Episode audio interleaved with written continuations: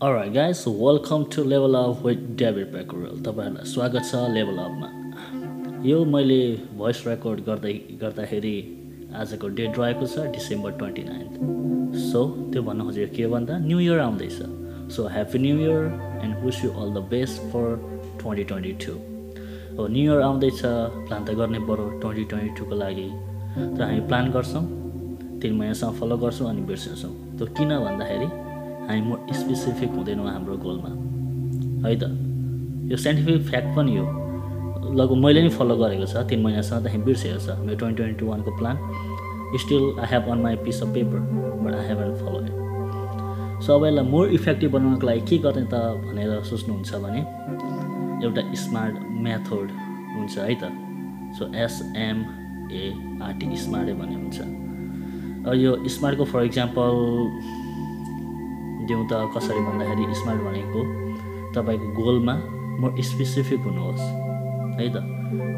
Measurable हुनुहोस् अनि एचिएबल हुनुहोस् रिलिभेन्ट हुनुहोस् अनि टाइम बााउन्ड हुनुहोस् है त?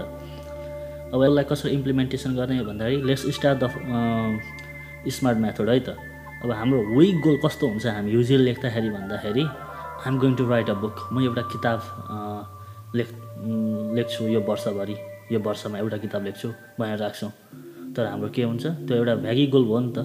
हामी मोर स्पेसिफिक भएका छैनौँ। कतिवटा पेज लेख्छौँ पर डे कति महिनामा सक्छौँ। यसलाई कसले रिभ्यू गर्छ यसको टाइम फ्रेम कति छ केही वास्ता गर्दैनौँ। सिधै एउटा बुक मात्र लेख्छौँ भनेर लेखेको हुन्छ। अनि विथिन नेक्स्ट थ्री मन्थ त्यो एचिभै गर्दैनौँ। अब यही गोललाई यही विक गोललाई म एउटा किताब लेख्छु यो वर्षभरिको गोललाई मोर स्पेसिफिक स्मार्ट मेथडमा हालौँ। र स्मार्ट मेथडमा के हुन्छ भन्दा फर्स्टमा स्पेसिफिक हुन्छ। के गर्ने भन्दाखेरि म साइफाई नोबल लेख्छु सिक्सटी थाउजन्ड वर्ड्सको भनौँ है त? त्यो मोर स्पेसिफिक भएन है त? अब एउटा यसलाई मेजर पनि गरौँ। अब स्मार्टमा एम आउँछ सेकेन्डमा त्यो भनेको मेजरेबल भयो त्यो यसलाई कसरी मेजर गर्ने भन्दाखेरि I will finish writing sixty thousand words in six month भनेपछि अब एउटा टाइम फ्रेम दिनु हामीले मेजरेबल गऱ्यौँ कि गरेन। म यति महिनामा सक्छु है यो सिक्सटी थाउजन्ड वर्ड्सहरू लेखेर भनेर।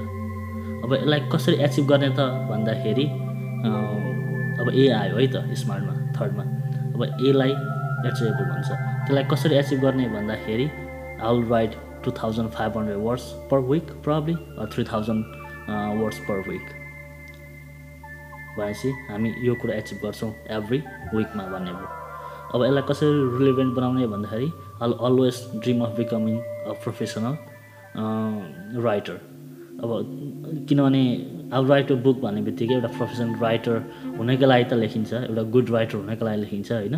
सो दिमागमा जसले राख्ने कि त्यो गोल एन्ड नहुन्छ या गोल सकेपछि पनि I want to become a professional writer and or this is my dream भनेर।